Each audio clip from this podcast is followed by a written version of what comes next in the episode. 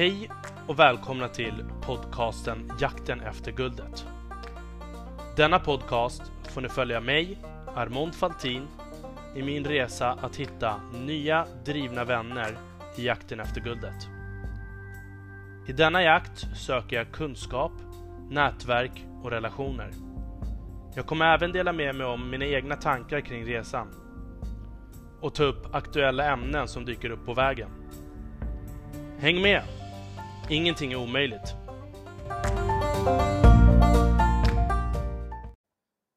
Hej och välkomna allihopa till Jakten efter guldet. Idag hade jag tänkt att prata om framtida skills och eh, varför jag kom in på det här ämnet. Det började med förra veckan så hörde toppsäljarna av sig till mig. Eh, en kille som heter Niklas ringde mig förra torsdagen. Och han berättade att han hade lyssnat på ett avsnitt och så sa han så här. Fan! Jag måste bara säga en sak till dig. När jag lyssnade på dina första avsnitt, jag höll på att skämmas ihjäl mig. Jag höll på att skämma av mig brallan. Men jag tycker ändå att det är ganska bra att du fortsätter tåga på. Alltså det är så jävla ballt att du fortsätter köra fast det går skit. och, alltså, jag, jag, blev så himla glad och, och jag, jag sa det till honom. Va, men tack, jag, jag älskar all feedback och jag tycker det, det är nice när människor hör av sig och uh, tycker att man man motiverar och gör någonting bra, även om det går dåligt, att det liksom bara tågar på. Och sen dåligt, det kan man ju definiera på olika sätt. Uh, vissa kan definiera det i siffror på Instagram och, och, och sådana saker. Uh, det går jättebra. Uh, jag mäter ju det på lite andra sätt. Men sen så hade jag en annan toppsäljare som hörde av sig till mig också. Och, och det fina med säljare är att Inom försäljning, speciellt telefonförsäljning eller all slags försäljning, då är ju rösten och tonläget det viktigaste. Det gäller att hela tiden le med munnen och liksom ha ett säljande intryck. Och Någon som är riktigt bra på det, det är ju Josef Fallesen. Alltså han... Varje gång jag lyssnade på Businesspodden förut och så hörde jag verkligen hur han log genom mikrofonen och sälja. Jag satt och garvade ihjäl mig varje gång jag hörde han. För att jag hörde hur han log, och, det är så man ska göra. Men eh, jag, jag har en liten annan taktik varför jag inte gör det. Men sen samtidigt är det väldigt svårt att hålla en monolog och försöka hitta rätt ton. Men eh, det jag tränar på när jag pratar själv, det är jag, jag har ju märkt att pratar jag i mitt vanliga tonläge, då låter det som att jag bara skriker och är arg. Och för att nämna bara den andra toppsäljaren, det var ju Sara Larsen som hörde av sig. Och hon, hon skrev till mig, hon bara Åh gud, jag lyssnade på ditt senaste avsnitt och du lät lite frustrerad och nedstämd. och jag tänker, det är exakt det jag tänker också när jag hör uh, mina avsnitt ibland. Uh, men jag är inte nedstämd och jag är inte frustrerad. Ja, frustrerad kan man väl vara ibland. men uh, det är inte det jag har varit när jag har spelat in avsnitten. Ah, och det är också det jag hör hela tiden när jag pratar med människor. Men varför låter du så arg för? Varför är du så himla... Uh, så tror de att man är arg, men jag pratar med inlevelse. Min inlevelse låter tyvärr eh, lite bitskt för vissa. Eh, jag vet inte om det är den röda färgen i mig som gör att det låter som att jag är arg, men jag, det är bara feeling. Och man måste ändå ta till sig kritiken man får höra ifrån de här toppsäljarna, för att de vet hur viktigt det är att låta. Och Niklas, han sa det, han bara ”Men du, fan, helt ärligt. Du vet att du borde nog radera dina första avsnitt när du berättar din story. Och då tänker jag så här bara, ja, jag vet, jag har ju tänkt på det själv, för jag skäms också. Men allting handlar om autenticitet. det gäller att vara, våga vara ärlig och rak. Och han påpekar att det är alltid first impression som avgör, och, och det förstår jag också. Men first impression, det, är alla gör en dålig podd i början, alla kommer göra en dålig video första gången, och jag kommer inte att... Eller det är klart man utvecklas ändå, men jag, jag vill visa sanningen. Hur det är. Utvecklingskurvan ska vara där och jag vill vara genuin. Eh, det är en del av processen som jag vill visa utåt.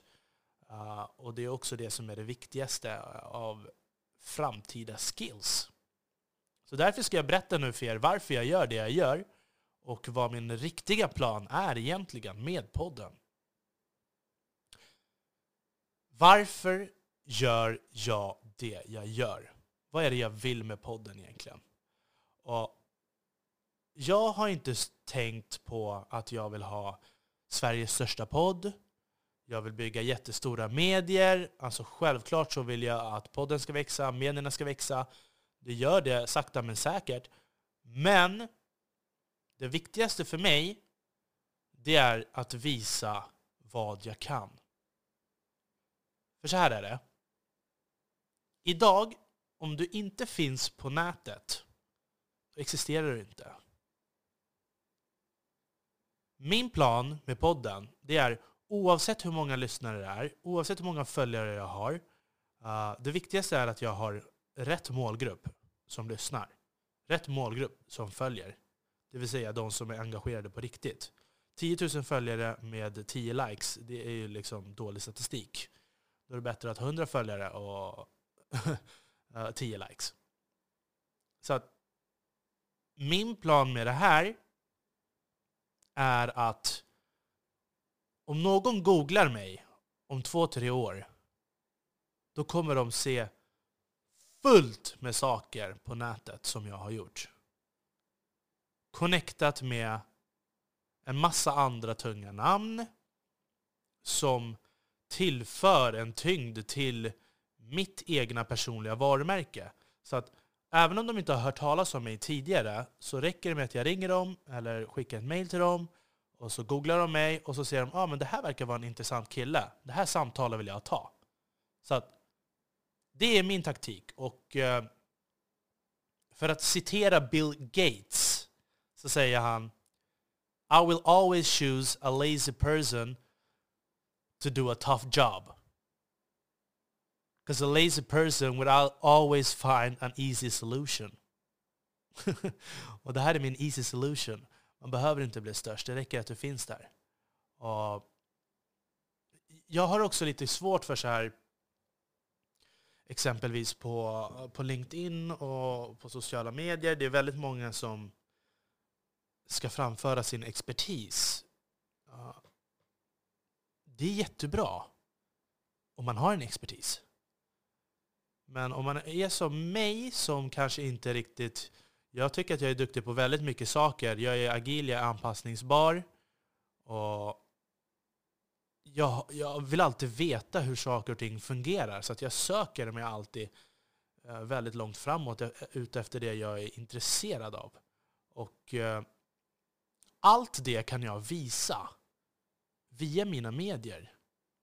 Där kan jag visa hur dålig jag var i början, hur mycket jag var redo att ta in från Youtube till eh, föreläsningar och liksom prata med smarta människor i podden. Allt det där kan jag visa och det går enklast att visa eh, och det bästa att visa är ju faktiskt utvecklingskurvan. Att jag är redo att lära mig någonting nytt. Och att jag kan göra det på egen bevåg. Hur stor är bevågen av kunskap som jag kan ta in själv, helt på mina egna tankar? Utan någon chef eller någon ledare som säger vad man ska göra. Då måste det dåliga och det bra finnas där ute.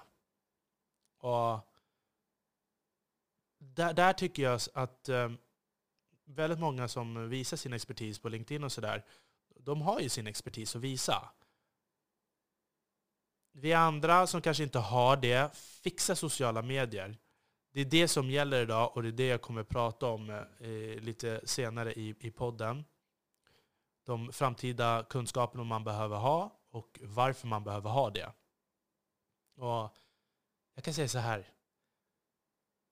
Känslan som jag fick när jag började lyssna på poddar för första gången eh, och när jag började söka kunskap. Då började jag söka kunskap på massa olika plan. Jag började med uh, Investpodden. Jag ville lära mig hur investerare, hur investerare tänker och hur investeringar fungerar. Och sen så började jag lyssna på Businesspodden. Jag ville veta uppbyggnaden på företag och vad, vad det viktiga är att tänka på. Hur man ska ta in fakta och liksom de viktiga pelarna i, i det hela. Samtidigt som man får höra om människor som har väldigt, väldigt likasinnade och tänker likadant som jag. Alltså när jag hörde Framgångspodden till exempel, med Alexander Pärleros. Alltså jag kommer ihåg hur jag satt hemma och skrattade för att jag tyckte han var så himla grym. Jag tyckte att han har ju gjort min, min resa som jag har fått göra i, i det verkliga livet genom att träffa människor på riktigt ute har han liksom gjort på en extremt kort tid bara genom att ha en podd. Vi säger om jag hade haft en nästan lika stor grund som han då, fast inte riktigt inriktad så som han är i, i, i business. Jag, jag, har aldrig, jag har inte kunnat visa det för någon. Jag kan säga vad jag, vad jag kan, vad jag har gjort. Men jag har ju inget bevis på det. Då var jag tvungen att skaffa medier för att visa vad det är jag kan. Det här är en lång process, men eh, det är enormt roligt. Och de, de flesta eh, vännerna som jag känner att jag kan, som jag skulle vilja prata med, där vi verkar vara väldigt likasinnade, det, det är människor från förnuft och känsla. Extremt höga chefer. Extremt sunt förnuft. Och erfarenheter som... Alltså, det, det, det, du hittar inte det på golvet liksom. Och, och det gjorde att jag blev ännu mer nyfiken och fortsatte lyssna på ännu mer poddar. Och till exempel Den digitala draken. Det är min favoritpodd uh, vad det gäller eh, uh, technyheter från Kina. Så gillade jag också Big in Asia av Simon Hansen. Där reser han runt till olika asiatiska länder och träffar framgångsrika personer som har gjort karriärer i Asien. Mycket intressantare historier och där kunde jag känna igen mig också ännu mer än vad man känner igen sig här på, på den svenska marknaden som var liksom en kontrast gentemot Alexander Pärleros Framgångspodden där alla var i Sverige och det liksom kändes hela tiden som att det fattades någonting i historierna. Det var bara eh, jätteimponerande resor, men det var ändå liksom på ett sätt en klassisk resa. Medan när man lyssnade på dem i utlandet så hade de gått igenom eh, helt andra erfarenheter. Och det var, tyckte jag var väldigt kul att lyssna på. Och där hittade jag också väldigt mycket vänner som jag ska rycka tag i sen när, när mitt varumärke också har blivit stort. Jag vet ju att eh, sådana personer kan man träffa ändå hej och vilt om man är eh, i utlandet. Eh, men så det var väldigt... Vilket mer har vi? Kapitalet. Jag ville lära mig om ekonomi, ekonomins historia. Det är det mest underhållande och samtidigt ingrottande, nörderiande på ekonomi, hur saker och ting fungerar egentligen. Allt det här har gett mig en sån sjuk inspiration. Och det har öppnat en ny värld. Jag har träffat jättemånga likasinnade som jag. Men alla har ju också egna mål och egna drömmar. Vissas mål och drömmar är att bli Sveriges största podd inom någonting, eller att de vill bli en stor podd för att det är det de vill försörja sig. Någon annan vill bli talkshow, och någon annan vill eh, göra någonting annat. Men mitt mål är ju inte... Självklart så ska man alltid satsa hårt på, på det man gör. Uh, för det kommer också visa sig. Det, det, det liksom sätter en standard i vem man är som person. Och det tycker jag är lite synd. Men podd är podd och sociala medier det är ett heltidsyrke som kräver enormt mycket tid. Och då gäller det att man ska ha den tiden. Och samtidigt klara sig uh, i det vardagliga. Så att... Uh, det, ja, jag, vill, jag vill, jag kommer att förbättra podden, men det är inte det som är mitt slutmål. Mitt slutmål är att jag vill bygga mitt varumärke och sen vill jag bygga bolag. Och innan jag presenterar vad det är jag vill göra så måste jag hitta mina teammedlemmar. Och det kommer jag göra genom att ha den här podden, träffa så mycket människor som möjligt. Den ena personen kommer presentera mig till den andra och sen till slut så är man där. Och när man har ett skönt gäng där man tycker att vi klaschar i värderingar och, och liksom vision och mission, då är det bara att sätta sig och börja skissa och sätta ihop det. Och, och det är det också som är så fantastiskt. När man har lärt sig så mycket och, och fortsätter att lära sig och vet att egentligen den tuffa biten, det är ju att liksom klara av den tuffa biten. Att rida ut de tuffa åren. Och det är någonting som jag vet att jag kan göra, för det har jag redan gjort nu och jag har gjort det förut. Och det är så himla kul så jag blir bara förblindad i, i, i det roliga. Och jag hoppas verkligen att jag träffar några likasinnade och som också sätts på prov. Uh, eller har satts på prov på samma sätt. Och det är också någonting som man går igenom på till exempel de här utbildningscentren. Där då gör man personlighetstester och eh, uh, investerare och sånt där. De brukar vilja göra intervjuer, djupare intervjuer där de vill höra om man har gått igenom något trauma.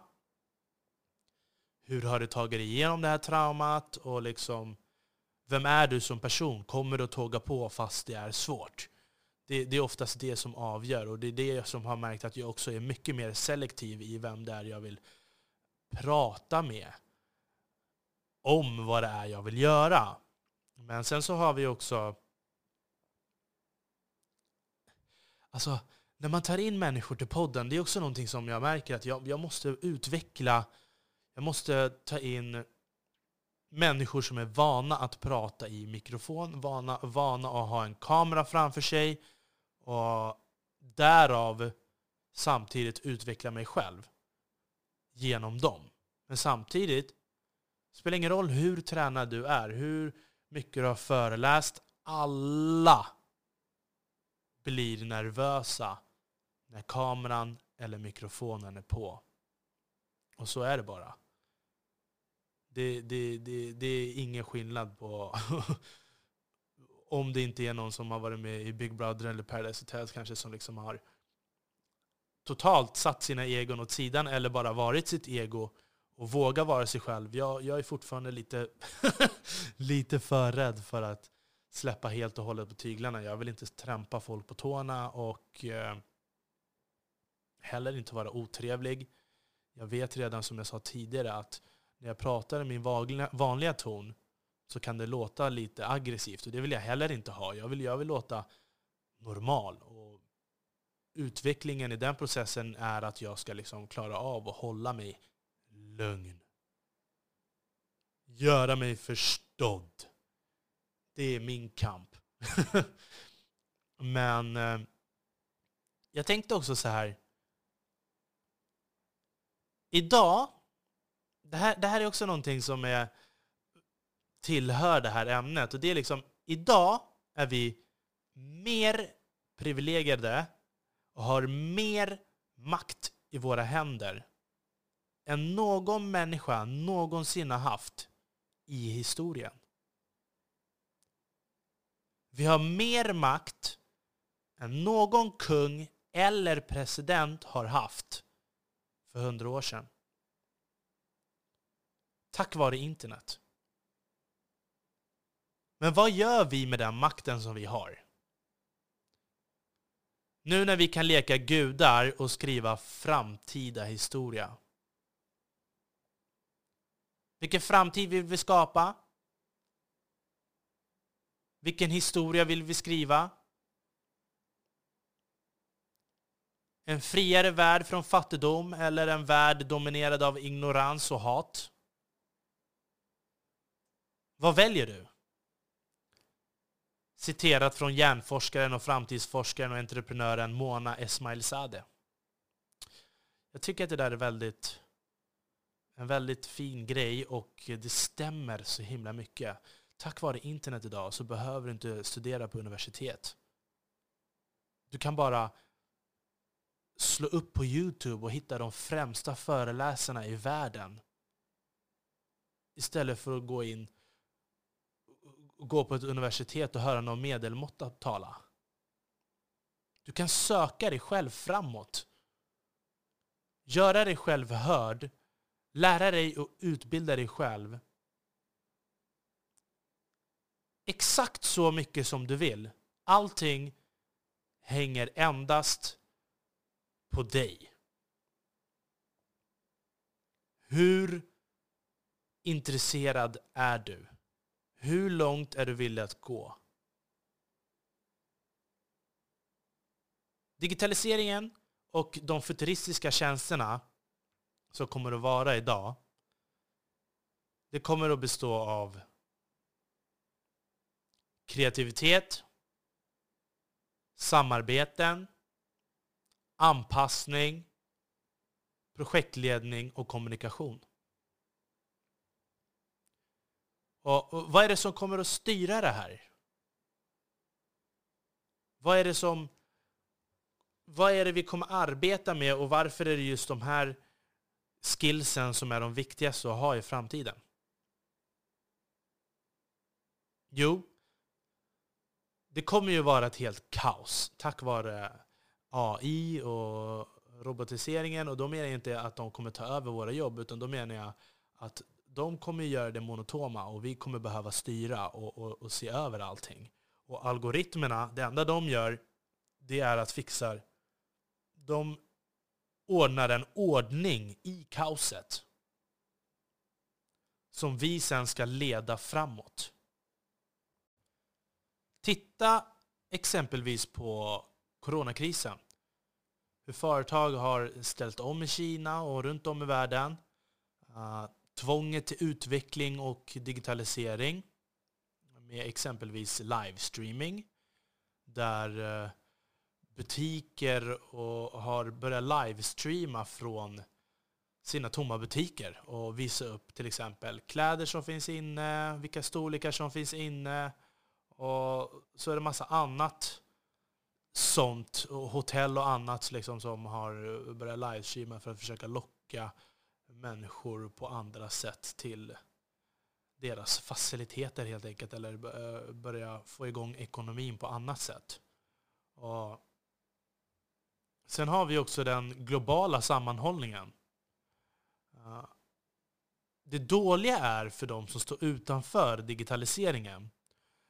Det finns exempel på vad som har skett i Kina till exempel när Alibaba och Tencent har hjälpt till med att organisera appar som har så här QR-koder. Och de här QR-koderna, för det som inte har hängt med, kan straffas. Och vad är konsekvenserna för de som inte hänger med? Grejen med de här QR-koderna är att du får som checkpoints där var du ska logga in. Logga in på om du har varit hemma så att de kan bevisa på att du har varit i karantän i 14 dagar och så vidare. Om har du varit i karantän så kommer det lysa grönt. Om du inte har varit i karantän tillräckligt länge kanske det är orange och sen så finns det rött. Det här är ju jättebra. Eh, för på så sätt så kan de ju särskilja vilka det är som är i riskzonen och lyser det orange eller rött då är du inte välkommen på allmänna platser och så vidare. Eh, så, där har de ju också det digitala tagit sitt avtramp och ännu ett steg in i samhällena, in i hemmet till och med. Och det har klagats på ganska mycket nu att privata aktörer som redan har enormt mycket datainsamling på människor nu kommer in i människors hem på ett helt annat sätt och verkligen registrerar varenda rörelse mer än bara köp. Eh, på det här så kommer vi se en tydlig segregering för de som inte hänger med. Och dessutom så kommer de ju straffas på andra sätt om man inte hänger med. Och projektledning är ju det nya i futuristiska arbeten. Projektledning, kommunikation, och, där ingår samarbeten, kreativitet, övertalningsförmåga och anpassningsförmåga. De futuristiska skillsen, det är för en digital värld och en globaliserad värld. I framtiden så kommer algoritm till gig-ekonomi. Det innebär att algoritmer kommer att hitta de bäst anpassade arbetarna till just ditt företag, för din ekonomi. Och där plockar de ju de bästa människorna i den globala världen, på gott och ont, eh, eftersom du konkurrerar globalt samtidigt som en väldigt stor del av världen står utanför. Men det är inte bara till de som, har tillgång till som inte har tillgång till internet som hamnar utanför. Utan även de som inte använder sig av sociala medier som algoritmerna kan fånga upp. Youtube kommer vara en av de absolut viktigaste verktygen i framtiden. Även Instagram och Facebook. Så nu är det väldigt tydligt varför Instagram exempelvis har blockerat att man inte kan se likes. Det gör att det är endast de som spenderar sina liv på de här medierna som kommer uh, med bra interaktion från sina followers som kommer att nå fram. Nu kommer vi till en annan del som eh, är nutid då är extremt viktigt, som jag hade tänkt ta upp. Eh, och det gäller ekonomin och stödpaket till folket från regeringen och banker. 1100 miljarder kronor i stödpaket totalt. Regeringen har en finanspolitisk lösning, det vill säga skatter och utgifter från staten hur mycket ska personer och företag betala i skatt och vad ska pengarna gå till? Där har vi Magdalena Andersson som bestämmer. Och sen så har vi ett annat sätt och det är Riksbanken har en penningpolitisk lösning. Hur mycket pengar finns i Sverige? Hur är inflationen? Och vad är räntorna? Riksbanken med Stefan Yngves och hans crew Riksbanken ska låna ut 500 miljarder till bankerna. Men var kommer pengarna ifrån och varför ska man ge dem till bankerna? Vad är Riksbanken? Och vad är den till för? Så här är det. Varje bank som Riksbanken gör affärer med har ett konto på Riksbanken. Och det kontot kan man tänka sig är deras lönekonto. Det är ett konto som, betalar räk som man betalar sina räkningar mellan varandra. Precis som du och jag betalar våra räkningar från vårt konto. Så exempelvis, jag och Margareta har ett lönekonto hos SEB. Och så vill Margareta köpa min lägenhet. Då är det SEB som hjälper till att lösa den affären. Men sen så tröttnar Margareta på lägenheten och vill sälja den vidare till Torleif. Men Torleif har inget konto på SEB utan har ett konto på Nordea. Nordea i sin tur har inget konto hos SEB men både Nordea och SEB har konto hos Riksbanken. Och då kan och de kontona kallas för rikskonton. Då kan Nordea ta pengar från sitt rikskonto och skicka till SEBs rikskonto. Men då gäller det att man också har pengar där. Och det är där Riksbanken vill att alla pengar ska, alltså att alla banker ska ha pengar. Uh, för att om man inte har det så går man under och, och, och Ja, det hör man ju ganska tydligt. Alla måste, de måste kunna skicka pengar för annars så kommer det bli avgifter och annat kryx och krams. Och om man har tillräckligt så kan Nordea gå till Riksbanken och säga hej, jag har ett värdepapper som är värt en miljard, köp den av mig. Då säger Riksbanken okej, okay, och så sätter de in peng pengar på rikskontot. De pengarna kommer inte från någonstans, utan man kan säga att de byter tillgångar mellan varandra. Riksbanken får en statsobligation och bankerna får en fordran på Riksbanken. Det vill säga likvida medel på sina rikskonton. Om man säger att pengarna inte kommer från någonstans så menas det... Alltså tänk er ett Excel-ark. Där det finns en cell för varje bank. Om Riksbanken vill ändra ett saldo, då klickar de bara in i Excel-arken och så ändras det. Så med andra ord, Riksbanken kan skapa pengar ur tomma intet. Och just nu så säger Riksbanken att de skriver 500 miljarder till bankerna i utbyte mot obligationer. Alltså, låna ut pengar till bankerna som bankerna ska låna ut. I utbyte med att bankerna lägger över sina egna finansiella tillgångar i pant till Riksbanken. Och allt det här gäller inom en viss tid. Och det är inte samma sak som att bankerna köper tillgångar, utan det är pant. Eh, kort förklarat, bankerna har en massa tillgångar, det vill säga en massa skulder som man kan sälja. Så vi säger att om, en, om Armond har en massa skulder på 100 miljarder med 3% ränta, då lämnar man över de värdepapperna till Riksbanken. Skillnaden är att bankerna får behålla räntan, men Riksbanken har själva pappret. Det betyder att man ger det här i tillfällig pant till Riksbanken och på så sätt har man fått låna 100 miljarder från Riksbanken. Med andra ord, lägger du din lägenhet i pant till Riksbanken men du får behålla värdet, eller ökningen eller sänkningen när du har betalat tillbaka. Misslyckas du betala tillbaka så har Riksbanken din lägenhet. Om det är nu på det här sättet, varför vill man låna, bank, eh, låna pengar till bankerna? Och skapa pengar ur tomma intet och sen outsourca det till bankerna. Jo, för det finns tre sorters pengar. Centralbankspengar med massa ettor och nollor. Kontanter som eh, bara Riksbanken får tillverka och det är något som håller på att försvinna. Sen har vi den tredje varianten och det är pengar på ett bankkonto. Och idag använder vi 99% pengar som finns på bankkonton eftersom ingen i princip använder kontanter längre. Allt är bankkontopengar.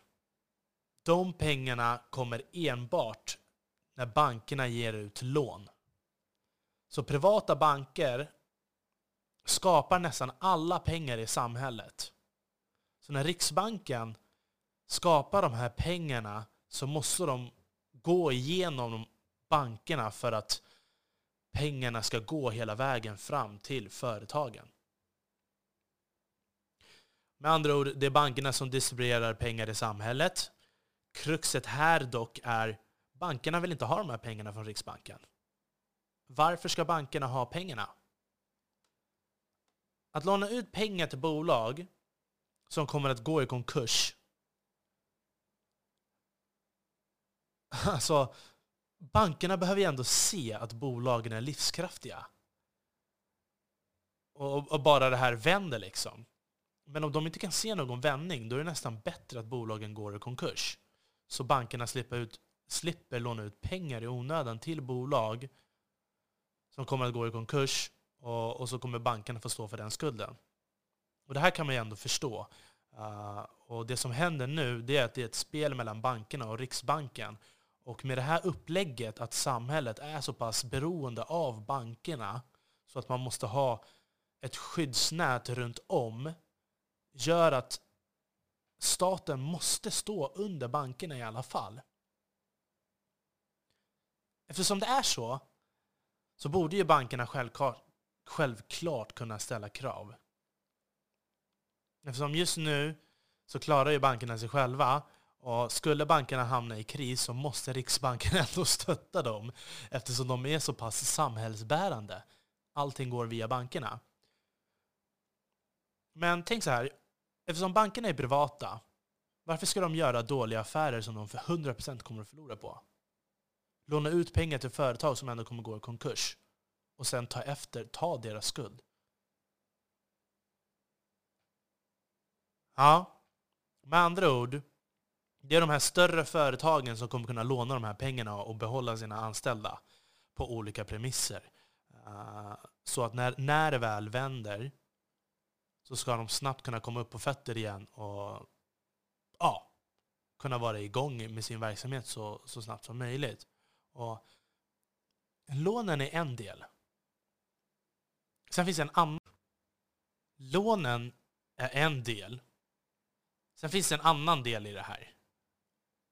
Där man säger att Riksbanken ska köpa värdepapper till 300 miljarder kronor. I statsobligationer, kommunobligationer och bostadsobligationer. Här spelar centralbanken en central roll i våra liv, men ändå så förstår vi inte vad det är de gör.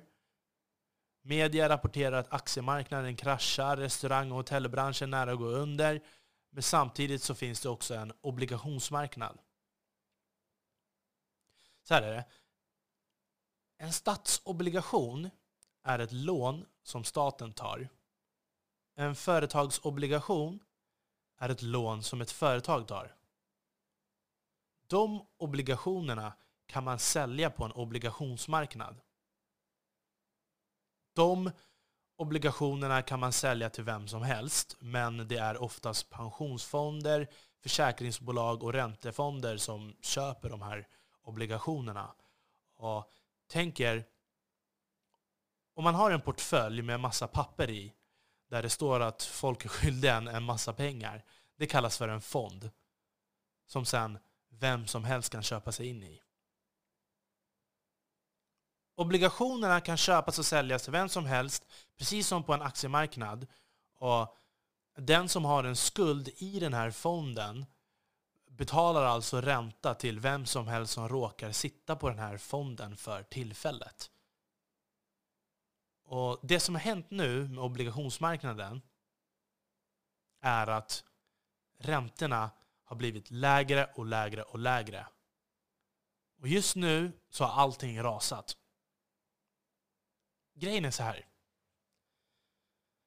Vanligtvis med obligationer så rör sig inte obligationerna sig särskilt mycket. Och Det gör att de är väldigt stabila. Om en obligation rör sig 1% då är det en extremt eh, stor rörelse som händer väldigt, väldigt sällan. Det handlar om 0,000, någonting. Och det har legat still fram till mars. Men nu har hela marknaden störtdykt och hela världen paniksäljer obligationer. Och det gör att obligationsmarknaden har sjunkit. Med andra ord, i vanliga fall ska du alltid få 100% av din obligation. Men när priset på en obligation ligger på, ska vi säga 98% och 2% är ränta. Det som händer när hela världen säljer obligationer, då stiger räntan på obligationen. Har man handlat på 1% ränta är den nu på 3% ränta. Med andra ord så har räntan höjts med 9%. Som självklart är helt sjukt stort problem i obligationsvärlden. Eftersom pengarna ska tillbaka. Problemet nu är att det inte finns så många köpare när obligationsmarknaden är som den är. Eh, kan inte företagen låna pengar och företagen går i konkurs. Därför måste Riksbanken gå in och stödja med att köpa obligationer för att banken ska kunna låna ut pengar till företagen. Och med andra ord, det är kaos och väldigt många småföretag kommer ryka. Men eh, sen är det också så att det finns inte tillräckligt med köpare på marknaden. Och obligationsmarknaden just nu är så kallad illikvid. Allt kraschar. Och där försöker Riksbanken köpa obligationer för att trycka ner räntorna för att visa att det finns köpare och att andra liksom ska känna sig trygga och vara kvar på marknaden. Sen, sen erbjuder man bankerna bud på de här obligationerna så att bankerna ska våga vara kvar och känna sig trygga genom att Riksbanken är där och stöttar. Så att det hela med obligationsmarknaden och varför Riksbanken ska köpa obligationer, det är för psykologiskt stötta och trygga upp och visa att det fortfarande kommer finnas en obligationsmarknad. Det vill säga att man köper och säljer skulder och att de kommer stötta så att räntorna fortfarande håller sig nere. Så att eh, människor ska våga vara kvar på marknaden. Mm. Jag tycker att uh, det här är väldigt intressant det som håller på att ske. Och uh, det är intressant när man djupdyker lite mer i vad obligationer är och vad alla de här olika paketen egentligen betyder. Så att, uh, men, men det kommer ju fram nya, nya saker hela tiden och vi får se hur, hur det kommer spela ut sig. Uh, den här informationen har jag tagit från favoritpodd, Kapitalet. Ni måste lyssna på den. Och eh, jag tror att det här får vara allt för det här avsnittet. Vi hörs igen nästa vecka och eh, jag har ju fått in lite frågor men det är inte tillräckligt så fortsätt gärna att skriva och eh, så länge vi hörs igen nästa vecka med vänliga hälsningar Armon Faltin.